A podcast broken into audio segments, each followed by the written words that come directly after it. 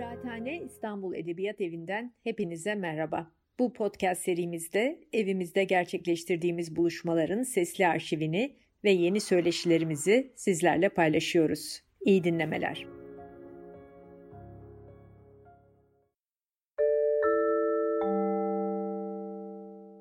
Herkese merhaba. Ben Kültigin Kaan Akbulut. Kıraathane İstanbul Edebiyat Evi ve Argonotlar Güncel Sanat Yayını işbirliğiyle düzenlendiğimiz konuşmaların e, üçüncüsündeyiz. E, bugün aramızda sanat tarihçisi Nergis Abiyebe var. Ve e, Nergis'le e, İtalyan Rönesansı'ndaki sanatçı kadınları konuşacağız. Biz bu Kıraathane İstanbul Edebiyat Evi ve Argonotlar ortak yayınlarımızda şunu amaçlıyoruz. Argonotlar yayınımızda yayınlanmış yazıları, e, yazarlarıyla ve sanatçılarıyla konuşup e, daha derinlikli bir şekilde tartışmak istiyoruz. Bugün de Nergis'le e, Argonotlara yazdığı İtalyan Rönesansı üzerine, Plato ile Nelli üzerine yazdığı bir yazıyı konuşacağız.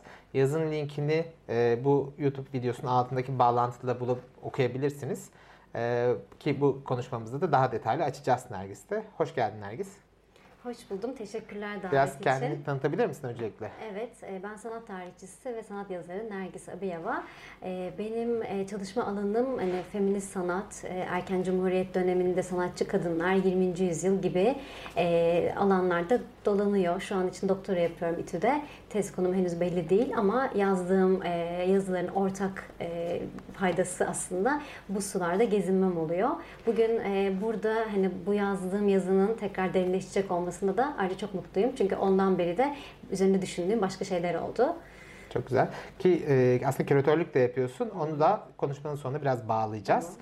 Şimdi öncelikle şunu sorayım. E, hep bununla başlıyoruz. Bu yazıyı yazma fikri nasıl az aklına düştü? Argonotlara önerirken böyle bir yazı aklımda var, bunu yazmak istiyorum derken e, nereden yola çıktın? Onu biraz sormak istiyorum. Tabii aslında bu Rosalind Miles diye bir kurgu, Amerika'da bir kurgu yazarının Who Cooked the Last Supper Son Akşam Yemeğini Kim Pişirdi adlı kitabını okurken e, fark ettiğim, yani onun fark ettiği ve bana fark ettirdiği bir cümleyle başlıyor. Son Akşam Yemeğini Kim Pişirdi? Eğer bu bir erkek olsaydı şimdiye kadar kesin aziz ilan edilip hakkında ünlü şeflerin de geldiği özel günler e, ayarlanırdı. Ama hani kim pişirdi bunu ve hani e, neden bunu bilmiyoruz gibi bir soru. Bu arada bu soru önemli çünkü aslında bu kitap 1988'de yazılmış. E, tam olarak 1970'lerden itibaren önemli e, soruların ortaya atıldığını görüyoruz feminist e, düşüncede. Yani bu özellikle ikinci feminist dalgada ya da ikinci feminist kuşakta diyebiliriz. E, önemli sorular ortaya atılıyor. Hatta Linda Nochlin de çok e, meşhur işte neden hiç büyük kadın sanatçı yok e, sorusu. Veyahut e, yine John Kelly'nin e, çok önemli bir sorusu. E, sanat, kadınlar, sanatçı kadınlar Rönesans'ı yaşadı mı? E, Did Women Have a Renaissance diye bir e, makale yazıyor. Ve aslında orada yani Rönesans'ın da erkeklere özgü bir şey olduğunu ve kadınların burada aslında o kadar da Rönesans'ın içerisinde olamadıklarını söylüyor. Yani bu soruları, doğru soruları sormak feminist terminolojide önemli bir yöntem. Özellikle 1970'li yıllardan itibaren. Ben de bunu e, aslında okurken neden hiç ben e, bu kadar son akşam yemeği resmi biliyorum ama bir kadın tarafından yapılan, müellifi bir kadın olan son akşam yemeği resmi neden bilmiyorum diye e, kendi kendime düşünmeye başladım açıkçası. Sonuçta e, Türkiye'de e, Batı ağırlıklı, sanat tarihi ağırlıklı işte Mimar Sinan Güzel Sanatlar Üniversitesi'nde hani Rönesans e, diye bir dersimizin olduğunu hani bütün döneme yayıldığını ve burada aslında bir tane bile sanatçı kadının ismine rastlamadığımı, e, o zaman bunu öğrenmediğimi ve sonradan hani aslında bunu yani var mıydı böyle bir sanatçı kadın diye araştırmaya başlarken karşıma Platero Nelli çıktı. E, ve Nelli'nin özelliği aslında hem de tam böyle bir doktora dersinde bir 6 aylık bir araştırma yapmam gerekiyordu. Ben de aslında Nelli'yi merkeze aldım ve Platero Nelli üzerine e, pek çok başka şeyde giderek böyle bir yazı kalemi aldım. Siz de e, yayınladınız. Bunun için de müthiş teşekkür Biz teşekkür ederiz. Eline sağlık. Ee, okuyucularımıza hatırlatalım. Bu linkin altına koyuyoruz. O YouTube linkinin altında linkini ekliyoruz. Herkese tavsiye ederim. Ama yani sanatçı kadınları konuşmadan önce biraz bu son akşam yemeğine girmek Hı-hı. istiyorum. Yani, yani mesela merak ettim mesela kaç tane vardır acaba sanat tarihinde son akşam yemeği tablosu. Hı. Genelde Da Vinci'yi biliyoruz. Hı. Hatta şeyi de gördüm. Mesela dijital sanatçılar da onu yeniden yorumluyor. Başka Hı. versiyonlar ekliyorlar. Ya feminist veya queer versiyonlar ekleniyor Hı-hı. mesela buna. Hani sanat tarihinde e, son akşam yemeğini resmetmek işte Hristiyanlık kültürünün önemli parçası. Neden önemli? Hı-hı. Sanat tarihinde nasıl bir yer var? Biraz oradan açıp e, sanatçı kadınlara gelelim istersen. Tabii e, bu konuşmayı düşünürken aslında hep aklıma şu geldi. E, birazdan konuşacağız bunu ama e, Da Vinci'nin hani özellikle bu Dan Brown'un şifresi kitabında yer almasından ve filmin olmasından da dolayı Da Vinci tabii çok e, büyük bir hani tırnak içerisinde isim ve onun son akşam yemeği resmi herhalde sanatla ilgilenmeyen insanların bile bildiği artık popüler bir imge. E, son akşam yemeği resimleri e, tabii ki de Hristiyan ikonografisi için önemli. Sonuçta hani İsa'nın havarilerine, 12 havarisine ben e, yarın içinizden biri tarafından gammazlanacağım dediği an e, ve aslında biz bunu ta eski yani ilk Hristiyanlığın ilk zamanlarından itibaren Roma'daki katakomplarda bile görüyoruz. Ve özellikle Floransa'ya geldiğimizde ki Floransa Rönesans'ın ortaya çıktığı yer. Rönesans deyince de yaklaşık olarak 14. yüzyıldan aslında 17. yüzyıla kadar ki bir zamandan bahsediyoruz. İlk zamanlarından itibaren Floransa'nın aslında son akşam yemeği şehri olduğunu biliyoruz. Yani özellikle fresko yöntemiyle yani duvara e, yapılan bu e, büyük resimler yani bunlar işte 4 metreye 7 metre, e, 2 metreye 8 metre falan gibi böyle boyutlarında resimlerde biz e, Floransa'da çok sevilen e, bir konu olduğunu görüyoruz. Tabii e, Da Vinci'nin yaptığı bir e, Milano'da Santa Maria delle Grazie e, kilisesinde e, yine aslında aziz ve azizelerin yemek yediği bir alanda. Yani manastırların, kiliselerin bu yemek e, orada çalışan insanların yemek yedikleri komünel alanlar var. Ve orada aslında biraz hani o yemeği paylaşırken bir sofra etrafında buluşurken hani bunun dini taraflarına da bir göndermede bulunmak için yapıldığını düşünüyorum. Bugün çok şanslıyız çünkü mesela Wiki Art'tan aslında son akşam The Last Supper diye yazdığımız zaman ta Orta Çağ'dan işte çok uzun bir süre yine 1970'lerde e, Amerikan sanat tarih e, sanatçıların bile yaptığı e, son akşam yemeği resimlerine kadar görebiliyoruz. Aslında bunlar mesela bundan 25 yıl önce bir doktora tezi olabiliyordu. Hani bütün orta işte son akşam yemeği resimlerini bir araya getirmek. Bugün artık öyle bir zamandayız ki hani gerçekten bunlara ulaşmamız çok evet. kolay. Bir wiki makalesini bile bulabiliriz aslında. Bulabiliriz. Peki yani sanatçılar için de biraz şey yönü var mı? Hani yeteneklerini gösterebileceğin en önemli alan, en e, kıymetli resim, başyapıtın aslında bu olmalı sanırım. Evet çünkü aslında son akşam yemeği resimde bir sanatçılara baktığımız zaman kariyerlerinin zirvesinde çok önemli bir noktada olan kişiler olduklarını görüyoruz. Dolayısıyla kesinlikle bir rüştün ispatlanması meselesiyle bir ilgisi var. Tabii Nelly söz konusu olduğunda Nelly e, bir Dominiken kilisesinde yetişen, işte Santa Caterina kilisesinde yetişen bir aslında nan yani bir rahibe. Dolayısıyla hani onun yaptığı e, resimde bir deneyim söz konusu. Yani Da Vinci gibi aslında meseni olan işte Sforza ailesinden veyahut e, farklı çeşitli mesenlerden siparişte değil, kendi yaşadığı, kendisinin içinde olduğu kilisede aynı zamanda e, hoca yani orada bir ressam olarak da yer alıyor zaten. Orada aslında bir deneyimi aktarıyor. Yani kendisi de orada her gün e, gidip oturup o insanlarla, hmm. diğer azizelerle birlikte, azize diyorum, rahibelerle birlikte o yemeği paylaşma deneyimini yaşayan birisi. Evet. Nelli'ye geçelim zaten yavaş yavaş ama biraz böyle mesela ortam o dönemki Hı-hı. ortamı anlatır mısın? Tabii. Yani hem sanatçılar için, İtalyan Rönesans için bütün sanatçılar Hı-hı. için hem de sanatçı kadınlar ya da dediğin gibi rahibeler de bunun parçası olabilir. Evet. Nasıl bir ortam görüyoruz? Nasıl bir kültür hayat görüyoruz? Çok önemli bu e, mesele. Çünkü aslında 1550 yılında e, Vasari'nin yazdığı bir kitap var. İşte bugün sanat tarihinin aslında temel hani ilk erken metinlerinden bir tanesi olarak karşımıza çıkıyor. Sanatçıların yaşam öyküleri.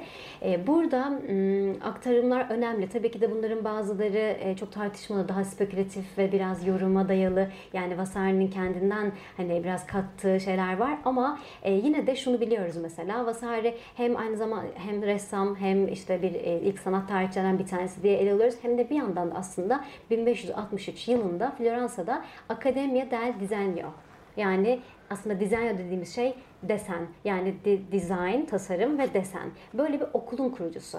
Bu okul sadece erkeklere açılıyor. Bir kere kadınlar bu okula giremiyorlar. Çok uzun bir süre zaten kadınlar e, bir eğitim yani gerçekten akademik bir eğitimden mahrum olacaklar. Dolayısıyla e, Nelly'nin yetiştiği dönemde de bir yandan tabii hala orta çağdan beri gelen usta çırak ilişkisi söz konusu. Yani bir ustanın e, erkek bir çırak olarak gidip yetişiyorsunuz. Bunun bir kadın olması çok düşük bir ihtimal. Yalnızca eğer babası ressamsa, babasının yanında çalışabilen bazı sanatçı kadınlar var ama genellikle ressamlık da o dönem erkeklere özgü bir şey. Dolayısıyla Nelly'nin yetiştiği ortamda Nelly kendi kendine yetiştiriyor.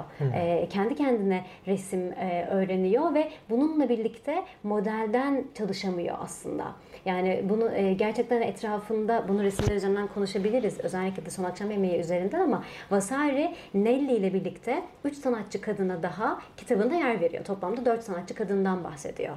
E, önemli bir kayıt bu ve şurada bunu da söylemek istiyorum. Hani aslında bu sanat tarihinde kanon, popülerlik meselesi de nasıl oluşuyor?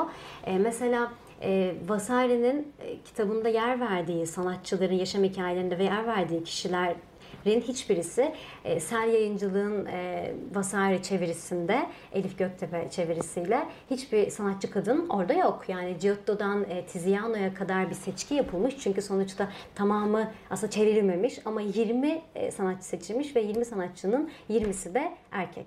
E, ve evet. 4 sanatçı kadın 4'ü de dışarıda bırakılmış mesela. E, bu bana çok tabi hani bunu bilerek yaptıklarını söylemiyorum. Bu çoğunlukla bilmeden oluyor zaten ama bunun farkında olmayışımız da bence bir sorun.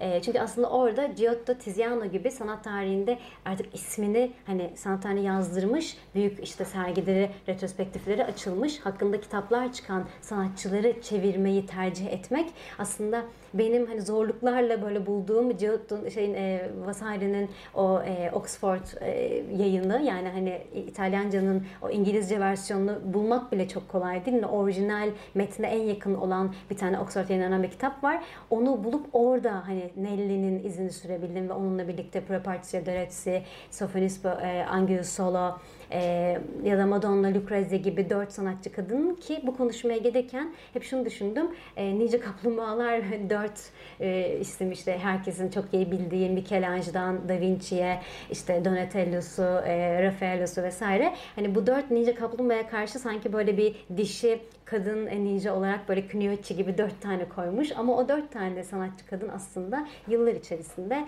çok da e, izini sürebildiğimiz sanatçılar olmuyor. Yeni yeni başlıyor. Evet. Yani aslında ser yayıncılık şey e, kadınları çıkartan dememiş de büyük bir yani bir kısmını çıkartmış. Ve onlar arasında genelde popüler olmayan sanatçılar var. Daha bilinen sanatçıları eklemişler sanırım. Yok bilinen, bil, evet bilinenleri eklemişler, bilinmeyenleri dışarıda bırakmışlar. Evet. evet. Genellikle yayıncılığın da şeyi hani okunur bu e, evet. daha çok gider yaklaşımıyla ama hani bu sefer de hani sanat kanalına biraz daha eklenen bir şeye dönüşüyor aslında. Ki zaten en büyük sorunlardan biri belki sanat kanalına dair. Hı hani Vasari'nin kitabında da bunun olması aynı zamanda Gombrich'in, Ernst Gombrich'in kitabında da e, Sanatın Öyküsü kitabında da e, ilk basımda hiç yer vermiyordu sanırım. Sonra Hı-hı. ikinci basımda bir kadına yer veriyor. Yani aslında e, yani 70'li yıllara kadar e, sanat tarihinden kadınlar tamamen dışlanıyor Hı-hı. gibi. Dolayısıyla biraz böyle e, böyle 70'li yıllara kadarki sanat tarihine baktığımızda neler Hı-hı. görebiliyoruz mesela hani Vasari'nin dışında evet. neler var başka? E, Vasari aslında mesela bugünkü perspektiften baktığımız zaman birçok 20. yüzyıl erkek sanat tarihçisine göre çok daha toplumsal cinsiyetin farkında bir birisiymiş. Çünkü mesela Ernst Gombrich 1950'de e, çıkardığı e, Sanatın Öyküsü kitabında bu ki bu kitap daha sonra çok çeşitli dillere yani dünyanın herhalde en çok okunan sanat kitabı olduğunu söyleyebiliriz. E, hatta böyle güzel sanatlar fakültelerinde ve sanat tarihi bölümlerinde bir tür aslında İncil. Hatta Kutsal dünyanın kitap. en çok okunan kitapları arasında da. Arasında, yani ilk kesinlikle. Binde sanırım evet. hatta. Evet ve e, Ernst Gombrich bu kitapta 1950 baskısında bunun bir tane sanatçı kadına yer vermiyor. Üstelik kaynaklarından bir tanesi Vasari. E, ve daha sonraki yıllarda ki aslında Gombrich hayatı boyunca kendini güncellemiş bir yazar. Şöyle ki hani 80'li yıllarda bile hala bu kitabın yeni baskılarında bir şey ekliyor. Burada sadece e, kendisi de belki Alman olduğu için bilmiyorum ama Katja Kollwitz e, çok da iyi bir ressam. Hakikaten çok önemli. Ona yer verdiğini görüyoruz ve daha sonra kendisine yani e, Gombrich Bey hani neden e, böyle bir şey, neden hiçbir sanatçı kadına yer vermediniz dediğinde e, diye sorulduğunda yani önemli mi ki hani kadın olmak, erkek olmak hani sonuçta çok büyük bir kadın sanatçı yoktu zaten filan gibi bir cevap veriyor. Ama işte o büyüklüğü tanımlama ve o büyüklüğü e, ortaya koyma meselesi zaten sorunlu. Çünkü e, mesela bunu şuradan referansa söyleyebiliriz. Judy Chicago'nun e, dinner partisini düşünelim. İşte akşam yemeği daveti işini düşünelim. Burada bir e, masanın etrafında kurguladığı çalışmada Judy Chicago e, gerçi Chicago Sanat Enstitüsü'nde eğitim almış bir sanatçı olarak işte Batı'nın Avrupa'nın entelektüel tarihi dersinde hocasının son bir dersi kadınlara ayıracağını e, söylediği söylemesi üzerine dersi alıyor. Sonuna kadar gidiyor ve e, karşısına çıkan hoca son derste kadınlar mı? Kadınlar yoktular ki diyor ve aslında burada Judy Chicago o sanatçı kadın e, sanat tarihçi, yazar kadınları görünür kılmak için Virginia Woolf'tan e, Fontana'ya kadar e, Lavinia Fontana'ya kadar ki bir 17. yüzyıl sanatçısı, e, Rönesans değil artık barok sanatçısı. E, ona kadar bunların isimlerini aslında e, devreye sokuyor, dolaşıma e, sokmak istiyor. Dolayısıyla 20. E, yüzyılda evet yani özellikle erkek sanat tarihçilerin kadınlara neredeyse hiç yer vermediğini görüyoruz 70'li yıllara kadar, feminist dalgaya kadar. Peki Vasari'ye baktığımızda e, Vasari neler yazıyor Nelly hakkında? Vasari'nin e, Nelly hakkında yazdıkları önemli. Çünkü aslında burada benim en çok dikkatimi çeken şey şuydu. E, Vasari Nelly'nin büyük bir sanatçı olduğunu, tırnak içerisinde büyük, hani iyi bir sanatçı olduğunu hakkını veriyor. Çünkü diyor ki e, Nelly öncelikle aslında hani kopyalar yaparak da başladı. Büyük ustaların kopyalarını da yaptı.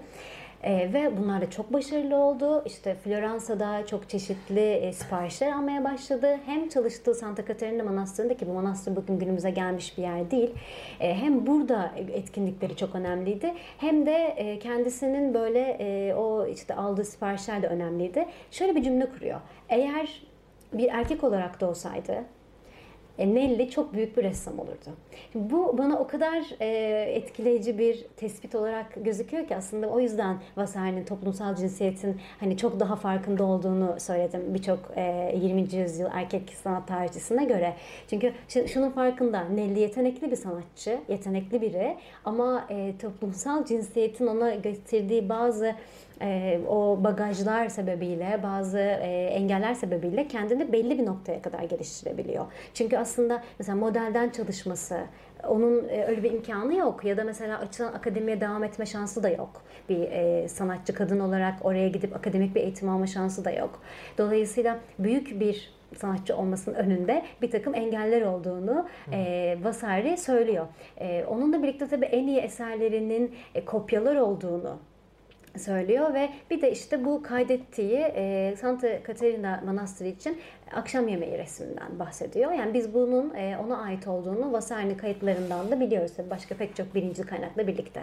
Yani Vasari aslında ayrımcı bir yerden bunu söylemiyor. Tam tersi onun yaşadığı sıkıntılara, ayrı yaşadığı ayrımcılığa belki de şanssızlığını tırnak için vurgu yapmak için. Ben öyle düşünüyorum en azından. Hani bana e, Vasari'nin e, yazdığı şey ve orada dört sanatçı kadın ismini kaydetmesi e, 20. yüzyılda hiçbir sanatçı, tarihçi erkeğin bunu yapmamasıyla kıyasladığım zaman bana oldukça aslında e, bilinçli ve hani çok daha e, hakkını teslim etmeye çalışan bir çalışma evet. olarak geliyor. Belki daha ilerici bir noktada Kesinlikle orada. Kesinlikle öyle olduğunu düşünüyorum.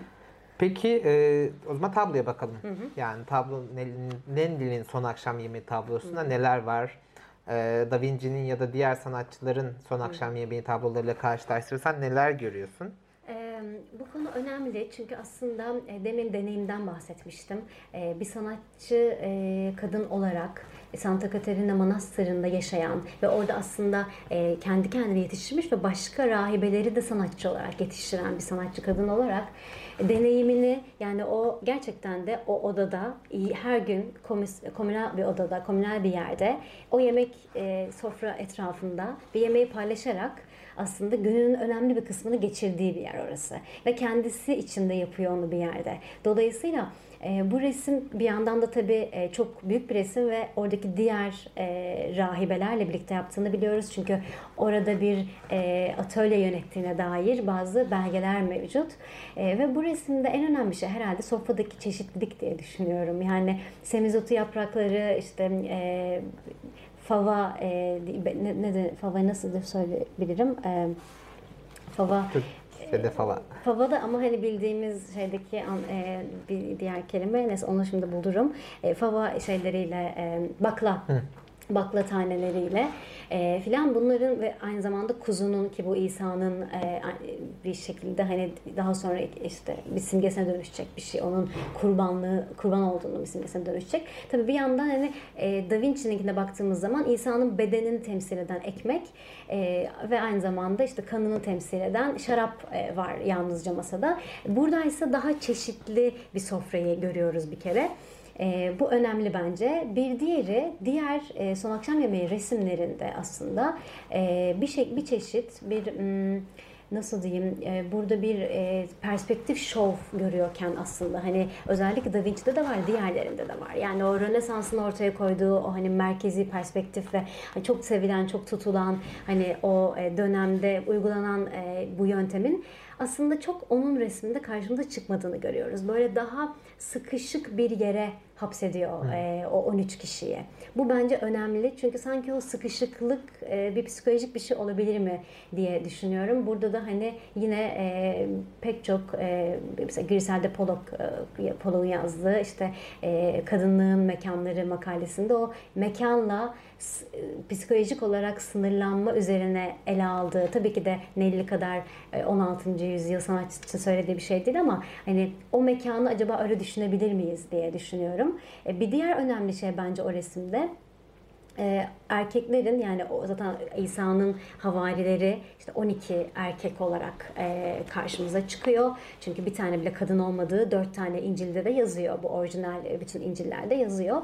Fakat ilk bakışta da insana böyle bir e, gerçekten hani ikili cinsiyet sistemin dışında düşünebileceğimiz bir kapı araladığını düşünüyorum.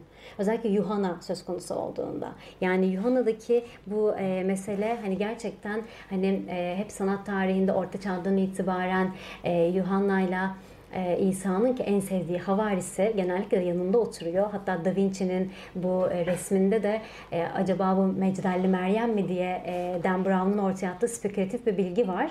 Ama aslında olamaz çünkü 12 e, havarinin 12'si de erkek yani bildiğimiz e, kadarıyla. Fakat öyle bir tasvir ve öyle bir bedensel temas var ki aslında biz orada bence e, gerçekten hani sadece kadın ve erkek değil başka tür daha akışkan bir cinsiyeti düşünebilir miyiz diye düşünüyorum. Çünkü bunu ben e, böyle bir baktığım zaman kesinlikle hani İsa'nın e, yanındaki figür bir kadın diye düşündüm önce. Sonra başka bir sanat tarihçi Anne Robertson e, yazdığı makaleyi okudum. O da bunun çok feminen, e, bazı figürlerin çok feminen olduğunu vurgulamış. E, demek ki sadece böyle ben dışarı ben değilim diye düşündüm açıkçası ve hani Yuhanna'nın zaten tasvirlerinde bir e, tam olarak böyle e, o ikili cinsiyet sistemin dışında kalan yerler olduğunu düşünüyorum. Daha farklı bedenlerin orada olduğunu, daha non-binary diyebileceğimiz beden e, temsillerini orada okuyabileceğimizi düşünüyorum. E, tabii bence o resimle ilgili bir diğer önemli şey de şu e, gerçekten şunu görüyoruz. Mesela erkeklerin bir kısmı birbirinin aynısı. Ya yani 13 e, erkek var ve hani e, mesela baştaki bir tanesiyle sağ taraf sol taraftaki sağ taraftakinin yüzleri neredeyse aynı.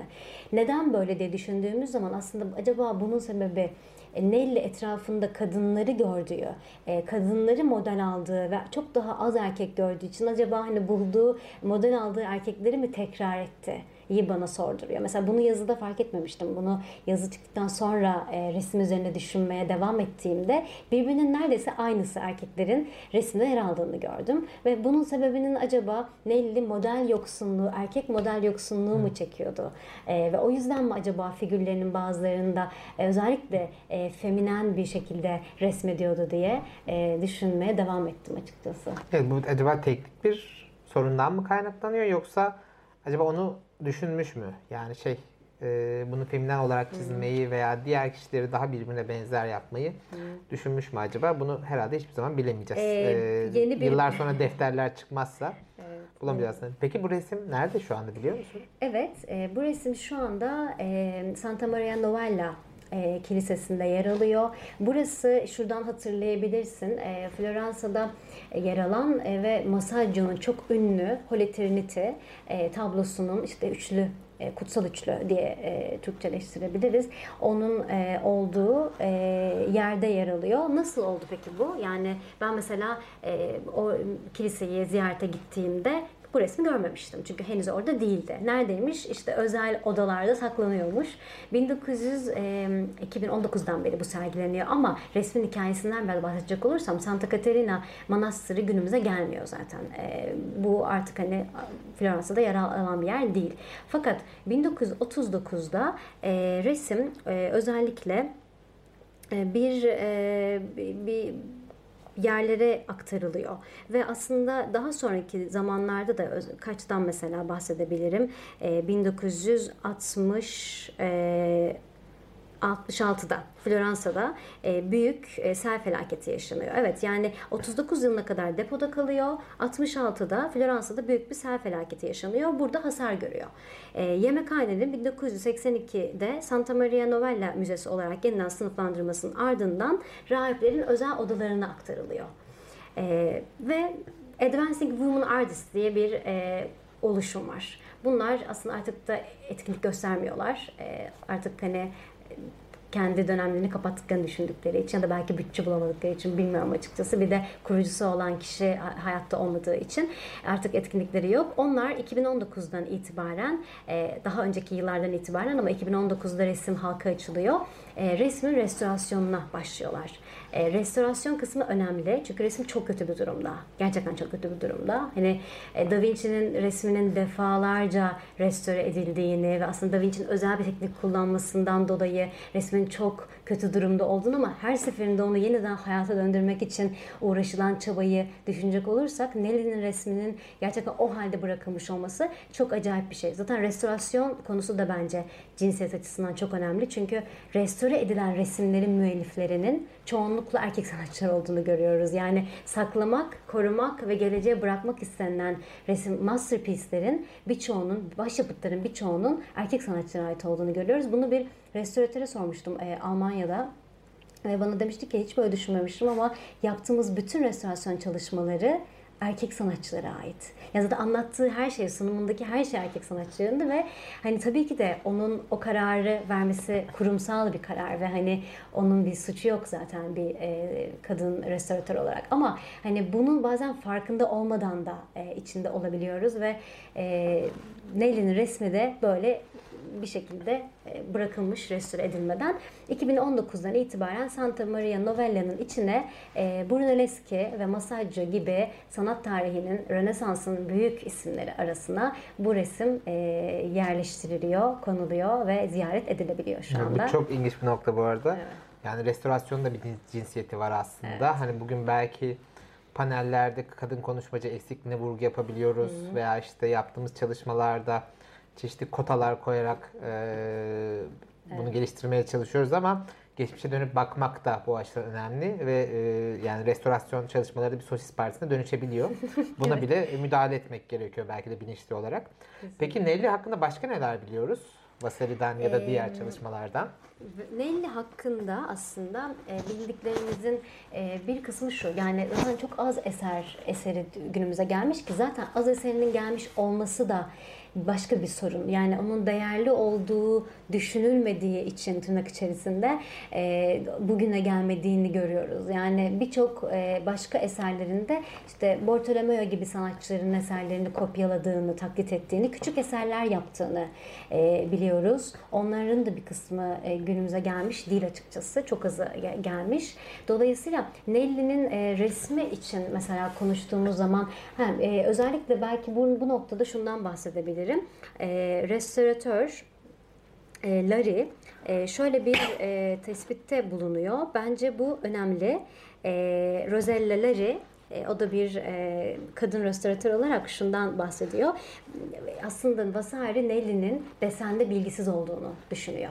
Fakat e, bu restorasyon çalışmaları önemli çünkü hani ışınlarla vesaire yapılan bütün araştırmalar yeni bilgilerin üretilmesine katkıda bulunabiliyor. Yani resmin üzerindeki boyanın, sanatçının oradaki eskiz uygulamalarının vesaire pek çoğunun aslında yeni bilgi üretebildiğini görüyoruz. Bu Türkiye'de de mesela son zamanlarda özellikle işte Sabancı'da, e, Sabancı Müzesi'nde ya da işte İstanbul Resim Heykel'deki resim çalışmalarında falan karşımıza çıkan bir şey. Resimlerin incelenip işte bu ışınlarla e, böyle yeni bilgi üretebilecek bir takım sonuçlara ulaşmak meselesi. E, Larry burada şundan e, bahsediyor aslında. Diyor ki... E, Nelly'nin e, boyayı kullanma biçiminin desendeki bilgisizliğinden çok kararlılığından kaynaklandığını dile getiriyor. Bu önemli çünkü diyor ki tuvali restore ederken Nelly'nin hikayesini ve kişiliğini yeniden keşfettik. Sanatçının güçlü fırça darbeleri vardı ve fırçalarını boyayla doldurmuştu. Reflektografi yöntemi tek katmanlı çizimler ortaya çıkardı. Plato ile ne istediğini biliyordu ve bunu başarmak için zanaatini gerektiği kadar kontrol etmişti. Hmm. Yani bunun bilinçli bir tercih olabileceğini söylüyor e, Rosello'ları konservatör. Vasari ise etrafındaki diğer erkekler, döneminin diğer erkekleri gibi modelden, e, canlı modelden çalışamadığı, akademik eğitim alamadığı için e, desenden daha yoksun, boyanın daha kuvvetli olduğu resimler yaptığını düşünüyor. Çünkü biliyorsun ki bugün de akademik eğitimin en önemli tarafı desen bilgisi. Böyle günlerce, aylarca desen çalışmak, işte tuvale hazırlık çalışmaları. Yani hani desen mi, çizgi mi boya mı çok eski bir tartışma olmakla birlikte hala da hani desenin çok böyle önem verilen e, bir şey olduğunu e, biliyoruz hani sanat eğitiminde. Ama konservatör tam tersi Nelly'nin bilinçli bir şekilde yaptığını düşünüyor. Evet, en azından yapabileceğinin e, emarelerini bize sunuyor. Yani ilk e, yaptığı andan itibaren hemen boyaya geçtiğini ve bunun bilinçli bir tercih olabileceğini söylemiş oluyor. Şimdi biraz önce isimleri saymıştın aslında Hı. ama ee, Rönesans'ın diğer sanatçı kadınlardan kadınlarından da biraz bahsedelim mi? Orada isimlerini de veriyorsun zaten yazıda da. Evet. Başka kimleri anabiliriz? E, Properce de Rossi önemli çünkü e, heykeltıraş ve ondan da bahsediyor e, Vasari kitabında. Bahsettiği tek heykeltıraş kadın zaten. E, bir diğeri de e, aslında hakkında çok az bilgi bulunan Madan, e, Madonna Lucrezia. Onun hakkında bayağı bir az bilgi var mesela. E, Sophonis bu ise belki bu özellikle satranç resminden e, hatırlayabileceğimiz ve çok meşhur sadece sana, e, kadınların satranç oynadığı bir tablosu var Sophonis Bangiosso'nun. Hatta en son bu e, çok tartışmalı bir şekilde çıkan e, işte Büyük Sanatçı Kadınlar kitabında da bir resmi yer alıyor. O resmi yer alıyor Hı. özellikle. E, Sofonispo tabii aynı o dönemde e, işte İspanya'dan filan siparişler alan hatta İspanya kırı e, gidip orada e, saray ressam olarak çalışan hakikaten böyle bir kadının yapabileceklerini göstereceğim diye böyle feminist bir e, dil de geliştiren bir sanatçı. Rönesans'tan bahsettiğimizde bu dört sanatçı karşımıza çıkıyor ama yani Vasarni kitabında bunlar tabii. Onların dışında pek çok başka sanatçı kadın var. E, Vasarni kitabına girmeyen ancak bugün haklarında yavaş yavaş e, kayıp bilgilerin bile peşine düşerek çünkü gerçekten hiçbir şey çıkmayabilir ve bir akademik tez için ya da bir kitap için malzemeye ihtiyaç var. Ama hiçbir şey çıkmayacağını bile bile ya da e, çıkmama ihtimali yüksek ol, olsa da e, bunlar araştırılıyor. E, pek çok asıl sanatçıdan bahsedebiliyoruz. Hani çok da az değiller, varlar ama üzerlerinde e, yapılmış araştırmalar ve korunmuş yapıtlar yok. Çünkü aslında sanat tarihi oluşturan şeylerin başında da sanatçıların yapıtlarını e, değerli bulup koruma meselesi var. İster kurumlar, ister aileler, birileri o yapıtların değerli olduğunu düşünüyor. E, ya da birileri düşünmüyor. Hani oluyor bunlar çöp zaten deyip atıyor. E, ya da işte ailesi uğraşıyor bazen arkasından, bazen kurum sahip çıkıyor vesaire. Ve aslında dolaşıma girmesinin de en önemli sebebi birincil kaynakların korunması oluyor birinci kaynaklar korunmadığında da aslında dolaşıma girme ihtimali düşük. Yani Nelly'nin bu resmi kalmasaydı biz şu an hayali bir resimden bahsediyor olurduk. O da olurdu ama artık o sanat tarihinin bir konusu mu olurdu yoksa bir hani e, daha hayali edebi bir metinin konusu mu olurdu? Bir hikayeye mi dönüşürdü? Evet. Ee, zaten oradan devam edersek yani son 50 yılda dünyada belki de 10 yılda da Türkiye'de hani hmm. sanatçı kadınlara yönelik e, veya sanat tarihi kadınlara yönelik çok büyük çalışmalar gördük. Hmm. Görüyoruz da daha. Hmm. Ee, yani mesela geçen böyle bir listelere baktığımızda e, özellikle 50 yaş üstü birçok kadının kadın sanatçı kadının retrospektifi bu aralar açılıyor. Hı hı. Yani Türkiye'de de görüyoruz. Ee, işte Pera Müzesi'nde evet. Etel Adnan'ı gördük. Ee, Türkiye Sanat Tarihi'ne dair çalışmalar yapıyor. Şu an Meşer'de sanatçı kadınlara yönelik çalışmalar var. Senin çalışman da var. Ondan da bahsedeceğiz. E, dünyadaki ve Türkiye'de şu an neredeyiz biraz Hı. bakabilir miyiz? E, bu önemli bir konu diye düşünüyorum. Çünkü aslında e, dünyada da Türkiye'de de sanatçı kadınların e, sergilerini yapmanın e, çok sorunlu tarafları da var. Çünkü aslında e, özellikle de Avrupa'da çok eleştir, çok sıkı eleştiriler çıkıyor bu konuda.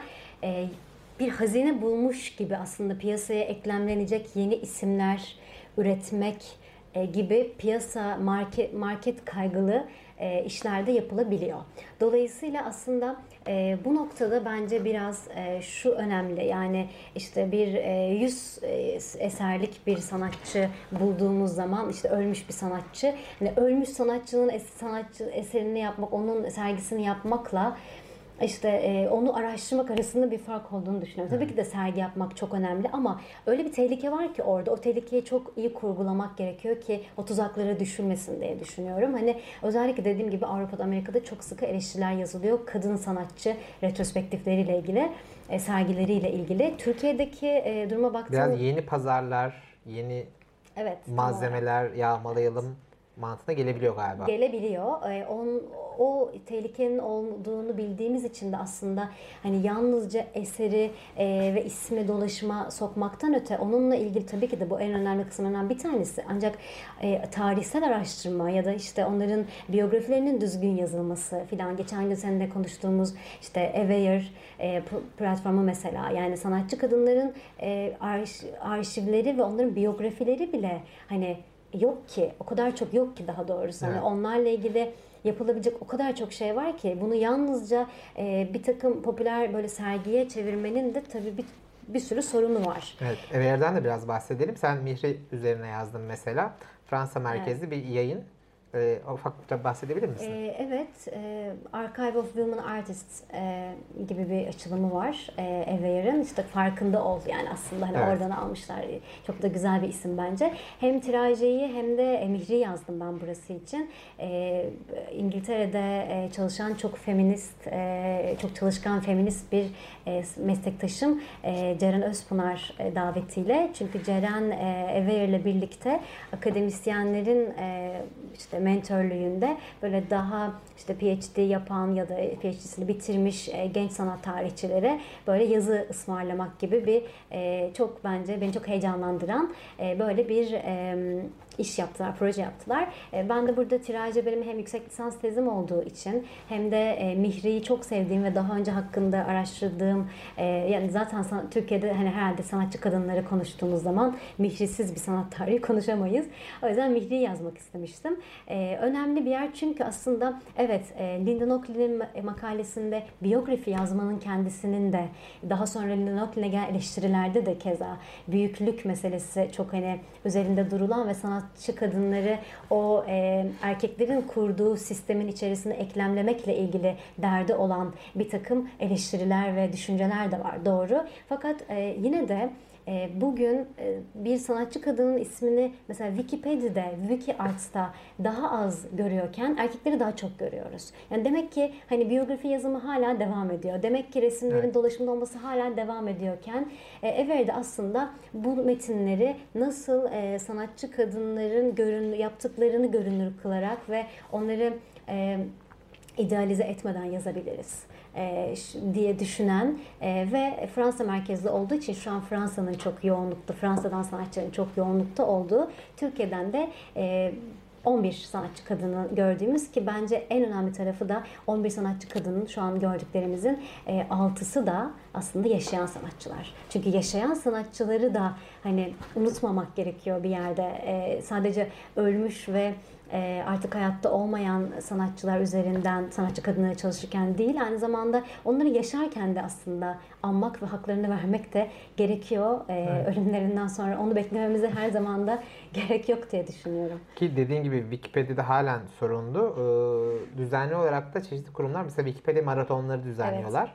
Evet. Ee, sanatçı kadınların evet. Wikipedia'daki görünürlüğü artırmak için ama yani ben de mesela çok bakıyorum. Ee, mesela bu arada e, Nergis'in Argonautlar'da tiraje üzerinde bir yazısı var. Ona da göz atmanızı isterim. Ee, mesela tiraje hakkındaki Wikipedia makalesi de çok küçüktü aslında. Ben böyle Sen bir şeyler eklemek istedim mesela. Yani halen dediğin gibi biyografi eksikliği çok var. Ee, ama senin şimdi yeni bir e, çalışman var. Mimar Sinan Güzel Sanatlar Üniversitesi ile e, Gülşen Aksoy ile beraber küratör ettiğiniz bir sergi var. E, ne zamana kadar açık ve o sergide neyi amaçladınız biraz bahsedebilir misin? E, sergi 31 Mart'a kadar yani bu ayın sonuna kadar açık. 8 Mart'ta açılmıştı. Bir e, Kadınlar Günü etkinliği olarak e, tasarlanan bir şeydi. Çok e, aslında kısa bir sürede yaptık bu sergiyi. 15 hmm, gün kadar. Çünkü e, gerçekten hani e, son dakikada geliştiren bir projeydi. Ama e, neden yapabildik? E, neden yani ben bunu kabul ettim yapmayı? Çünkü hani elimde çok e, malzeme vardı arşivsel ve e, aslında işte sanatçı kadınları konuşmanın onlar üzerine e, e, çeşitli sorular sormanın tek yolunun resimlere bakmak olduğunu düşünmediğim için belki hani bu mesleki e, hem aynı zamanda doktora yaptığım için vesaire e, burada nasıl bir yol izledik? Yani zaten o kadar kısa bir sürede resimlerin restore edilip e, Sophaneye Amire'ye gelmesi mümkün olmayacağı için e, biz böyle müzenin koleksiyonunda yer alan sanatçı kadınlara ait yapıtların fotoğraflarını ki e, 330 e, küsür yapıttan bahsediyoruz. Bu önemli. Burada mesela Ursula Le Guin'i anmak istiyorum. İstatistiklerin gücünden bahsediyor her zaman Ursula. Kendisinin e, jürisinde olduğu e, bir takım etkinliklerde ödül alan e, sanatçı, e, yazar kadınları, kadınlarla erkekleri kıyaslayıp hep erkeklerin ödül aldığını fark ediyor mesela ve istatistiklerin gerçeğe dair tek bir şey değil ama gerçek gerçeğin bir tarafını aslında gösterebileceğini düşünüyor. O yüzden mesela erkek sanatçılara ait İstanbul Resim Heykel Müzesi'nde 700 100 küsür eser varken 330 e, eserin sadece sanatçı kadınlara ait olduğunu görüyoruz. E, bunun kendisi önemli e, bence. Bunu e, Tophane Amire'de gösteriyoruz. Yani bir projeksiyonda bütün e, çekilmiş fotoğraflar tek tek dönüyor. E, bunu önemsiyorum çünkü aslında bugün hani birçoğumuz zaten birçok resme yine bilgisayar ekranlarından bakıyoruz. İyi çekilmiş bir fotoğraf da aslında hani o resmin ne olduğunu yani erken Cumhuriyet döneminden işte bugüne kadar sanatçı kadınların nasıl çalıştığını yani mesela çok uzun bir süre natürmort yaptıklarını, manzara yaptıklarını, onların ortaklaşan taraflarını bize gösteriyor diye düşünüyorum. Bir yandan da isimleri dönüyor tabii. İsimlerin dönmesi de enteresan çünkü e, sanatçı e, kadın olmak mesele olma e, konusunda şöyle bir e, şey karşımıza çıkıyor. Kadınlar evlendikleri zaman soyadlarını değiştiriyorlar.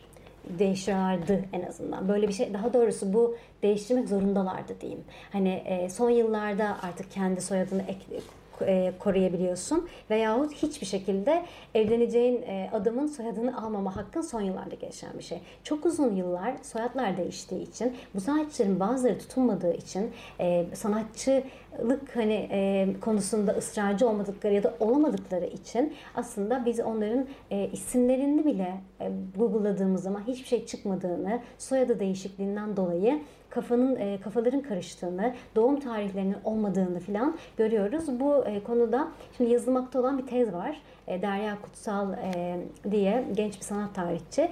E, İstanbul Resim Heykel Müzesi'nin koleksiyonunda yer alan sanatçı kadınlara ait yapıtların e, incelenmesi, onları tek tek e, ortaya koyan böyle bir araştırma yapıyor. Bence değerli, önemli bir şey bu. Bunu yaparken de aslında mesela unisex isimler karşımıza çıkıyor. Bazı isimler hem erkekler için hem kadınlar için kullanılmış. O sanatçının erkek mi kadın mı olduğunu anlamak bile 1900 20'de üretmiş bir resim yapmış bir sanatçının kadın mı erkek mi olduğunu ve bilinen bir sanatçı değilse eğer işte Nazlı Ecevit gibi, e, Mihri gibi vesaire değilse Belkıs Mustafa gibi o bile büyük bir meseleye dönüşebiliyor ve bu zamana kadar bu yapılmış bir şey değil. Dolayısıyla onu oraya yerleştirdiğim zaman ben de günlerce isimlerin doğru olup olmadığını, e, bütün o tarihlerin ki bazılarını bulamadım. Derya'nın da bulamadıkları var hala. Bu süren bir çalışma. Oraya da böyle bir not düştük. Bilen e, varsa hani belki akrabasıdır, belki hmm. bir yerde görmüştür. Bize ulaşsınlar diye sanatçı kadınlar e, diye bir mail açtık. Oradan da gelen izleyicilerden katkıda bulunmalarını istedik. Bununla birlikte iki ekran daha var aslında daha çok böyle dokümantasyon sergisi olduğunu söyleyebiliriz bunun. Diğer iki ekranda da bir tanesinde e, sanatçı kadınları, yazanları listeledik. E, bu benim için çok önemli. Belki hani bunların e, bütün bu çalışmaları yapmanın aslında ne kadar külfetli ve ne kadar boşluğa konuşulan e, bir şey olduğunu ve aslında karşılık bulmadığını belki bildiğim için kendi pratiğimden, kendi e, çalışmalarımdan da sanatçı kadınları, yazanları listelemek istedik orada. Bir Star Wars efektiyle böyle açılan 1983'ten itibaren günümüze gelen devam eden tezler de var bunların içinde. Bunları yazdık. Yani kimler sanatçı kadınları çalıştı? Nasıl bir liste görüyoruz? Nasıl bir liste görüyoruz? İşte bu liste bize yaklaşık 30 çalışmaya yer verdim burada. Çünkü hem benim okuduğum, kefil olabileceğim böyle çalışmaları ve daha çok işte makale, geniş makale, geniş kapsamlı makale, kitap ve tez ağırlıklı bir seçkiydi. Yani hani daha çok akademik çalışmalardan başlayıp onların kitaba dönüşmüş versiyonlarını ve kapsamlı makalelere koyduk. E, görüyoruz ki sanatçı kadınları hep yine kadınlar çalışmış. Bir tek Taha Toros'un 1988'de bir de Asım Mutlu diye bir sanat tarihçi yani sanat tarihine de katkıda bulunmuş birisi. Böyle birkaç kişi var ki Taha Toros'un çalışması da tabii biraz baktığın zaman hani e, sorunlu bir çalışma yani sanatçı kadınları çok romantize eden e, böyle bir şeyle acite eden bir bakışla yazdı. Tabi daha genç zamanlarımda Taha Toros'a çok kızgın, kızgındım ama şimdi daha az kızgınım çünkü 1988'de çıkardığı bu kitapta yine de aslında onun yazdıkları sayesinde biz birçok şeyin izini sürebiliyoruz. E, ve ilk çalışmalarından bir tanesi e, ne baktığımız zaman Canan Beykal'ın Yeni Kadın ve İnat Sanayi Nefise Mektebi adlı çalışmasını görüyoruz. Ee, Yeni Boyut dergisinde yer alıyor bu çalışma. Çok önemli çünkü Canan Beykal'ın yine bu sergide yer alan bir çalışması var. İşte sergide serginin, yer alan tek e, o ve Özlem Şimşek e, birlikte e, her bu iki sanatçı ve aynı zamanda Atıl Kunst'un bir ses sensasyonu var. Yani bu üç e, iş aslında sergide dokümantasyon dışında yer alan günümüz sanatına örnekler olarak karşımıza çıkıyor. Bu da ne demek? E, aslında e, erken cumhuriyet dönemiyle ilgili düşünerek üretmiş günümüz sanatından örnekleri de oraya koymak istedik. E, Canan Beykal'ın Mihri Bebeği. Hı, onu biraz daha açar mısın?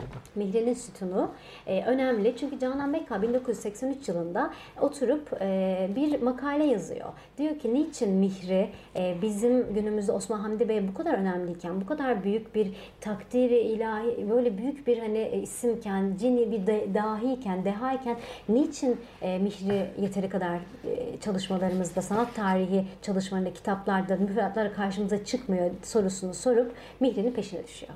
Bu peşine düşme hikayesi 10 sene sonra Arkeoloji Müzesi'nde Tomur Atagök'ün açtığı Cumhuriyet'ten günümüze kadın sanatçılar sergisinde e, Mihri'nin sütunu e, adlı bir görsel, bir plastik bir işe dönüşüyor aslında. 10 sene sonra Mihri'ye başka tür bir homaj yapmaya karar veriyor Canan Beykal. E, o yazıyı yazdıktan sonra hani bir kavramsal sanatçı bir de bir yandan tabi bebekler vesaire o e, sütunun üzerine yerleştirdiği Mihri Bebeği çok enteresan bir çalışma. Çünkü hani o 70'lerden itibaren pek çok sanatçıda gördüğümüz Füsun Onur, Gülsün Kara Mustafa, pek çok değil nadir aslında yani yine de ama Türkiye'de hani o feminist sanatın, karamsal sanatın karşılıklarını bulabileceğimiz bebek, domestik bebeklerin vesaire olduğu bir çalışma. Dönen bir mekanizmada Mihri, e, arkasında da Mihri'nin temellük edildiği fotoğraf yer alıyor fotoblok olarak. Mihri bebek e, dönerken e, aslında hem açtığı sergiyi hem de açtığı yolda ilerleyen sanatçı kadınları izliyor. Ee, bir böyle bir homaj gerçekleştiriyor. Bu sergi, e, bu sergide bu çalışma yer alıyor. Bu bizim için çok önemliydi. E, Canan Beykal da e, sergide işi gösterdi. Çok mutlu oldu ki Beykal maalesef bütün eserlerini ortadan kaldırmış bir sanatçı olarak buna dokunmamış. Daha belki küçük olduğu için ya da belki bir takım farkında olduğu ya da olmadığı duygusal sebeplerle bilmiyorum açıkçası.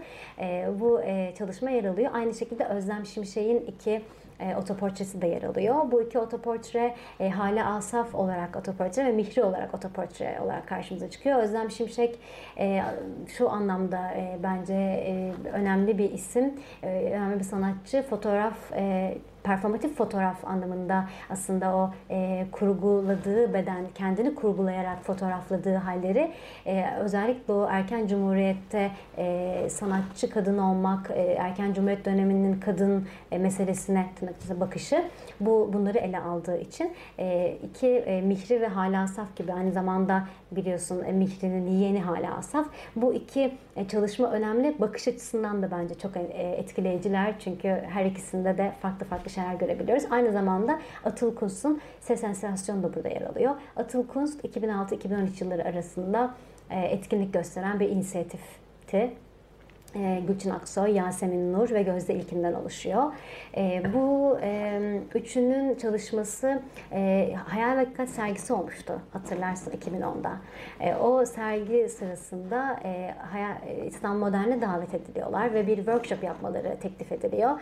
E, müzenin Hayal ve diye kadın sanatçılar üzerine bir sergi yapma e, yaparken aslında kalıcı koleksiyonunun sesli rehberinde bir tane bile kadın sanatçıya yer verilmediğini fark ediyorlar.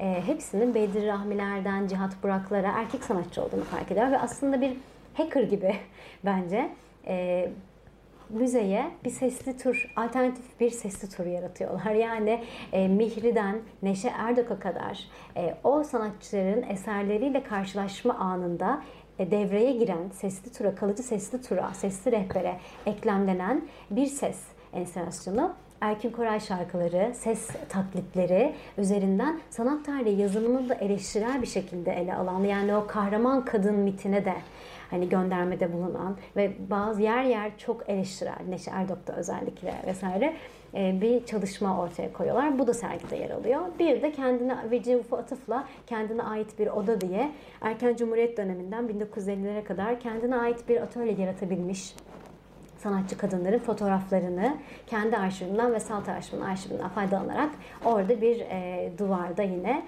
e, gösteriyoruz. Bu da önemliydi çünkü evet kendine ait bir oda yaratmanın her zaman ayrıcalıklarla bir ilgisi var. Her zaman atölye dediğimiz şeyin ekonomik bir boyutu var ama bir sanatçı olmak için ısrar etmek ve kendine ait bir e, o sanatçı kimliğine bürünmek için çalışma alanı yaratmak da hani her ayrıcalıklı kadının da yaptığı bir şey değildi aslında. Hani bu da bir e, bu bir mücadeleydi ve hani bunu sadece sınıfsal bir şeye indirmek de bana çok doğru gelmiyor açıkçası. O yüzden o e, orada da işte e, Sabiha Rüştü Bozcalı'dan Sabiha Ziya Bengütaş'a pek çok sanatçının fotoğraflarını görebildiğimiz daha çok arşivsel bir sergiydi. Yani bu bir e, klasik bir sanatçı kadınlar sergisi değil. E, sanatçı erken cumhuriyet dönemindeki sanatçı kadınları düşünme ve İstanbul Resim Heykel Müzesi'nin koleksiyonuyla konuşma, e, diyalog kurma aslında. E, Belki de sonraki çalışmaların bir ön hazırlığı bu. Umarım, resim. umarım öyle olur. Mutlaka e, bir şeylere evrilecektir diye düşünüyorum. Evet. Son olarak da hem e, şunu sormak istiyorum. Hem Nelly hakkında ek bir şey söylemek Hı-hı. ister misin diye sormak istiyorum.